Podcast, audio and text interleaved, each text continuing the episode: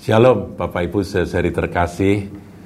Saudaraku dalam suara gembala kali ini kita akan belajar tentang satu kata yaitu diutus. Ya diutus saudaraku. Kalau kita mendengar kata diutus itu kita pasti teringat akan apa yang Tuhan Yesus katakan Tuhan Yesus sampaikan di dalam uh, Injil Matius 28 uh, ayat yang ke-19, Saudara. Kalau kita baca mulai ayat 18 bagus. Yesus mendekati mereka dan berkata, "Kepadaku telah diberikan segala kuasa di sorga dan di bumi, karena itu pergilah, pergilah." Nah, jadi murid-murid dengan kalimat itu berarti mereka diutus oleh Tuhan supaya mereka pergi. Pergilah, jadikanlah semua bangsa muridku, dan baptislah mereka dalam nama Bapa dan Anak dan Roh Kudus dan ajarkanlah ajarlah mereka melakukan segala sesuatu yang telah ku perintahkan kepadamu dan ketahuilah aku menyertai kamu senantiasa sampai kepada akhir zaman. Saudara, kata diutus ini saudaraku ya, ini menjadi perenungan kita kali ini. Kita ini diutus oleh Tuhan jadi firman ini berbicara di mana saja, kapan saja, dan dalam situasi kondisi apa saja, saudara ya. Jadi kita ini adalah utusan-utusan Tuhan untuk memberitakan kabar baik, memberitakan Injil, menjadikan semua bangsa, jadi nggak peduli suku bangsa, latar belakang apa pun juga, yang namanya manusia mereka dikasihi oleh Bapa dan Bapak menghendaki semua orang boleh mendengar akan kabar baik bahwa ada jalan menuju kepada Bapa. Meskipun manusia sudah berdosa, ada penebusan yang dilakukan oleh Yesus Kristus Tuhan. Itulah berita Injil atau kabar baik. Nah, gereja Tuhan, umat Tuhan, murid-murid Kristus diutus Saudara dan saya juga diutus. Sekali lagi saya ulangi, kapan saja, di mana saja, ke mana saja, dan dalam situasi kondisi apa saja kita diutus. Nah, kalau kita membaca akan adanya kisah-kisah tentang utusan Injil, nah itu menarik. Saya suka membaca, saudaraku ya, bagaimana uh, para perintis-perintis yang mempertaruhkan nyawa, memberi diri untuk uh, dipakai oleh Tuhan sebagai pemberita Injil di tempat-tempat yang sulit. Saya pernah membaca uh, judul bukunya itu penguasa-penguasa di bumi, gitu ya. Itu mengisahkan tentang seorang misionari yang bernama Stanley Dale yang akhirnya di dia masuk ke suku Sawi ya pada waktu itu masih sangat primitif dan suku Sawi itu kanibal, saudara. Dan memang dia mempersembahkan bukan saja uh, ini apa waktunya, tenaganya, tetapi juga nyawanya. Kita tahu bahwa akhirnya hamba Tuhan, misionari yang bernama Stanley Dale itu uh, meninggal dunia, mati sebagai martir, dia di, uh, dibunuh dengan panah yang yang menceritakan adalah orang yang bertobat, saksi mata yang kemudian bertobat menceritakan bahwa misionari kulit putih itu di suku Sawi itu dipanah dan dimakan dagingnya, saudaraku. Jadi ya harganya memang seperti itu, saudara. Orang yang diutus itu kadang-kadang tidak semua, saudaraku ya, harus membayar dengan nyawanya. Murid-murid Kristus hampir semua saudara kecuali Yohanes menjadi martir karena mereka memberitakan kabar baik. Itu harga dari pengutusan. Dan mereka di zaman sekarang ini, di zaman modern ini, masih banyak, masih ada orang-orang seperti itu yang menjadi martir karena nama Tuhan. Karena mereka memberitakan kabar baik. Saya membaca juga akan buku ini masih di Papua, saudaraku ya di Irian Jaya pada waktu itu namanya. Uh, tahun 60-an yang namanya Don Richardson, wah itu juga luar biasa. Tapi nggak sampai jadi martir, saudaraku ya. Dia akhirnya uh, menyelesaikan akan tugas misi itu. Kalau tidak salah suku Dani dia di antara suku Dani dan membawa suku itu kepada peradaban yang lebih baik dan kepada Kristus Yesus Tuhan yang diperkenalkan. Nah, Don Richardson beserta dengan istrinya masuk ke sana, itu ada dalam buku Anak Perdamaian. Saudara, perlu kita membaca ulang akan buku-buku penguasa-penguasa di bumi, anak perdamaian yang semacam ini ini perlu saudaraku ya kita eh, apa kita renungkan gitu ya. Karena itulah bagian dari hidup kekristenan. Tidak semua orang dipanggil untuk menjadi martir-martir atau masuk ke daerah-daerah ekstrim semacam itu. Tidak semua, saudara. Tetapi ada orang-orang seperti itu dan kita harus tahu. Dan kita harus mendukung dalam doa, mendukung dalam dana, atau apa saja yang kita bisa lakukan untuk membantu mereka-mereka yang terpanggil untuk uh, diutus oleh Tuhan di daerah-daerah yang berbahaya semacam itu.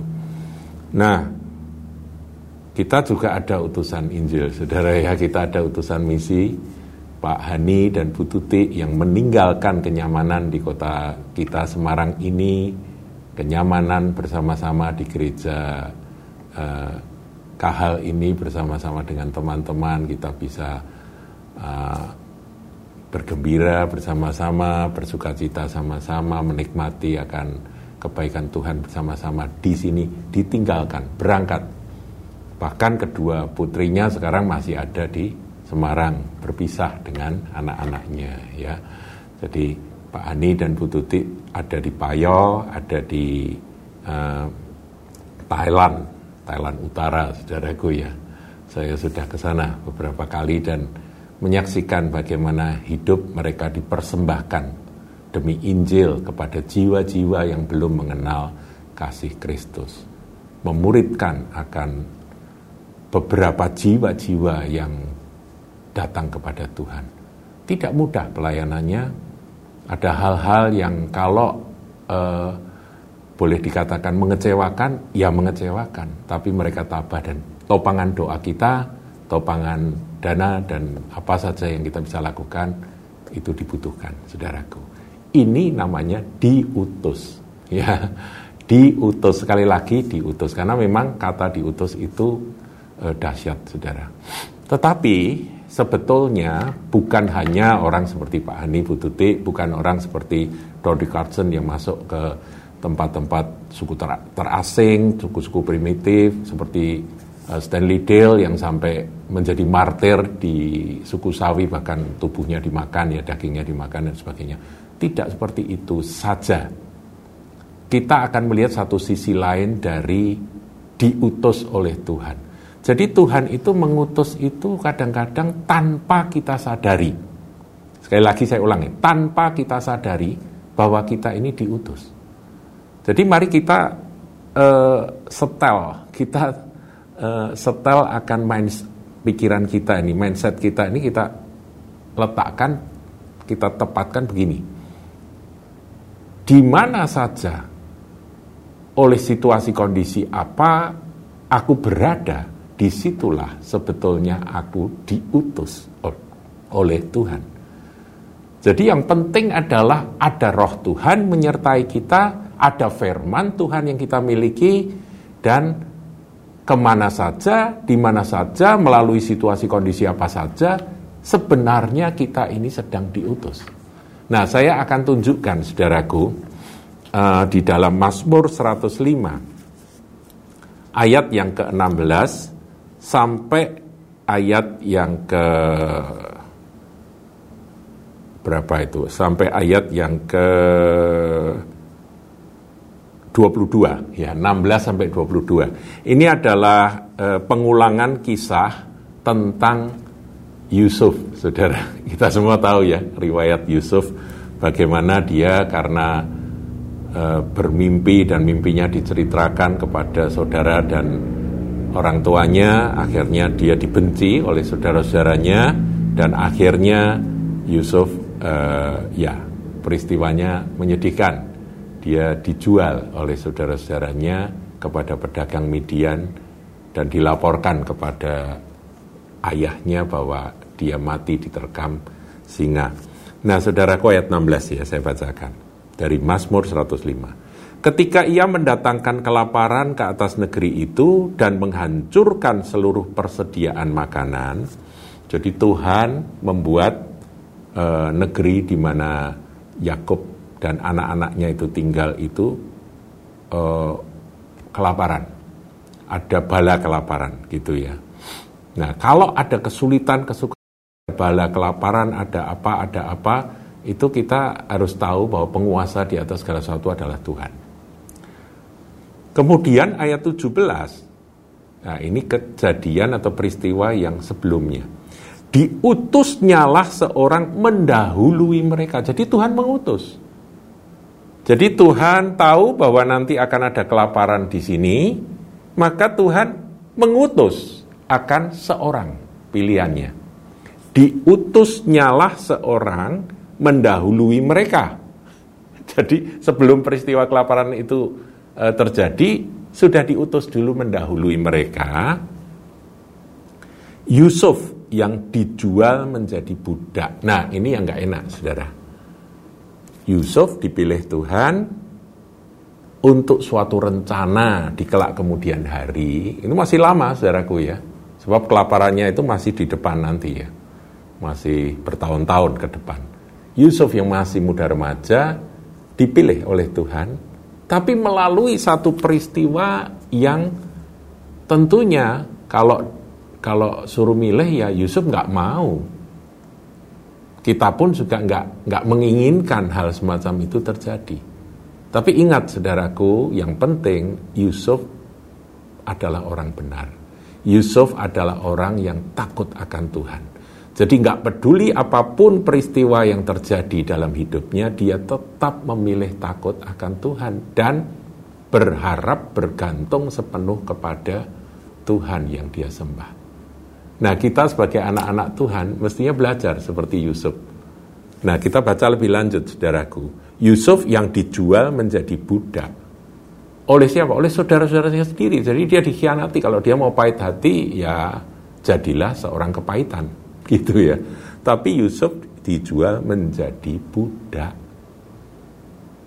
Dari seorang anak yang diistimewakan oleh ayahnya, yang diberi jubah maha indah, yang bikin iri saudara-saudaranya karena dia diistimewakan, Ya karena ayahnya mungkin kasihan ya, ini nggak punya mamah gitu ya. Jadi dia di, dibedakan dengan saudara yang lain.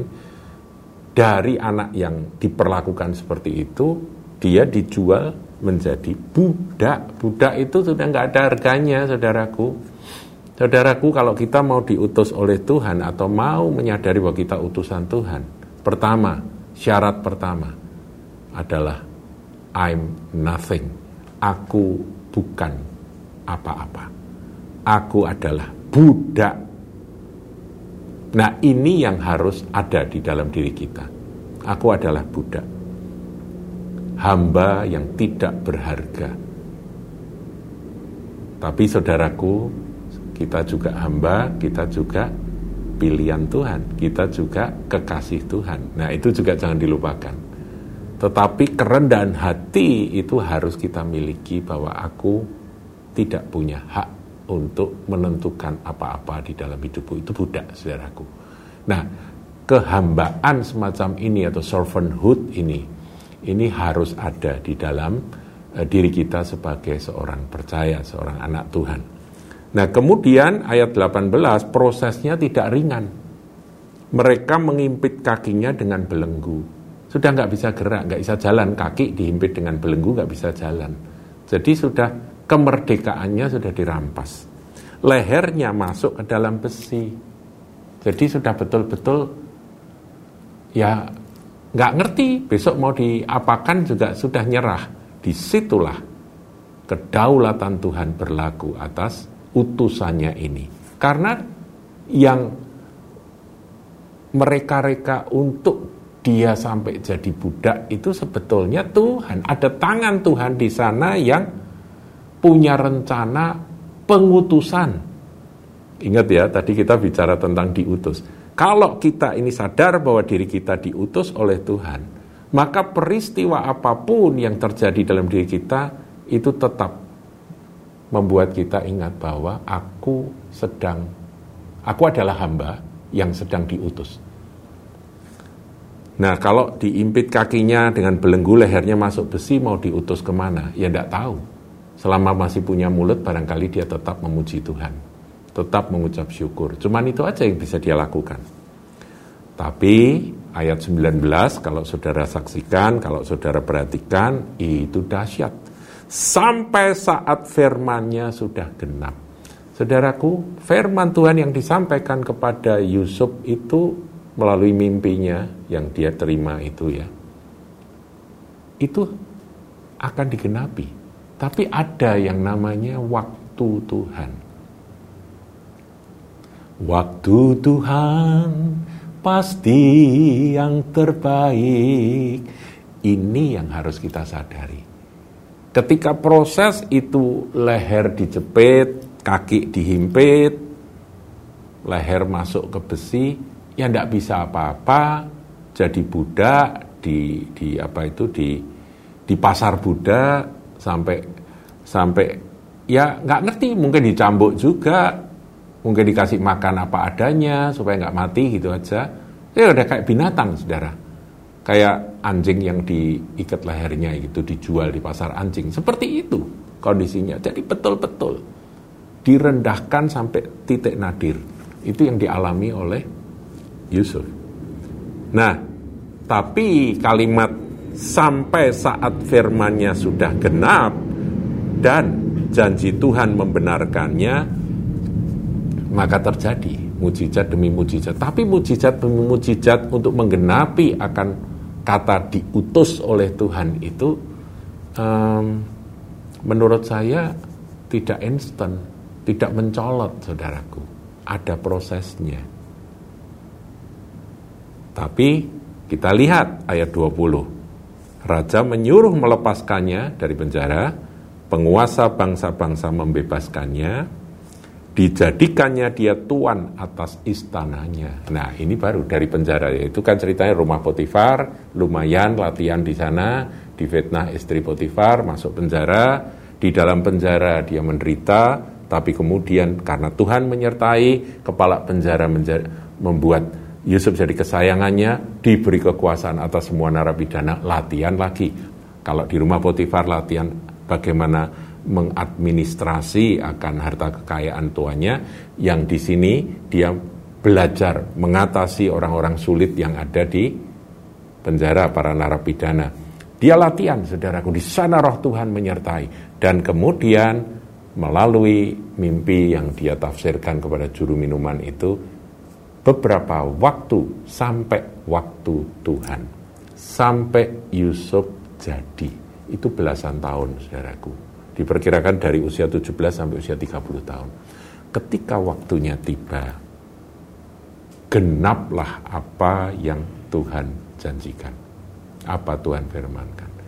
Dia memang diutus. Berarti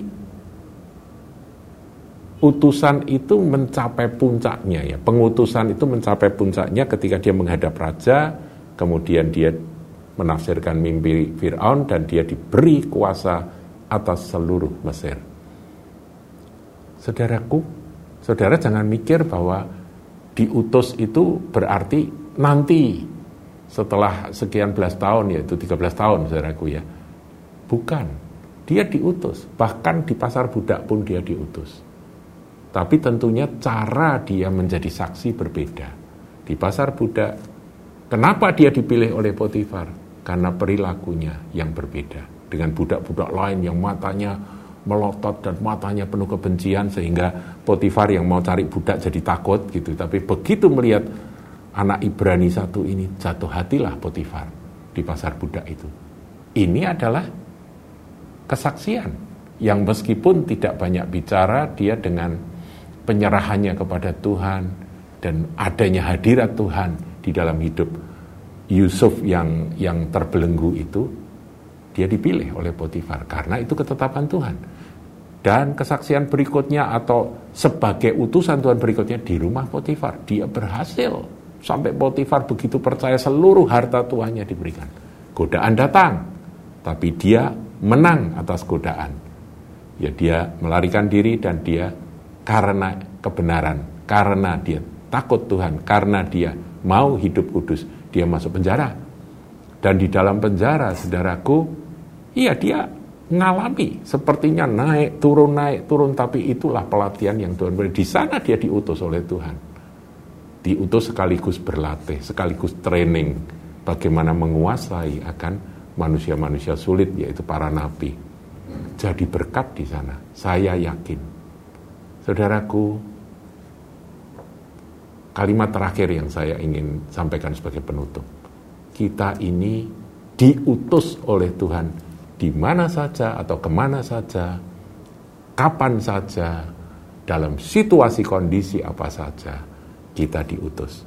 Nah, cara kita berlaku sebagai utusan memang beda-beda.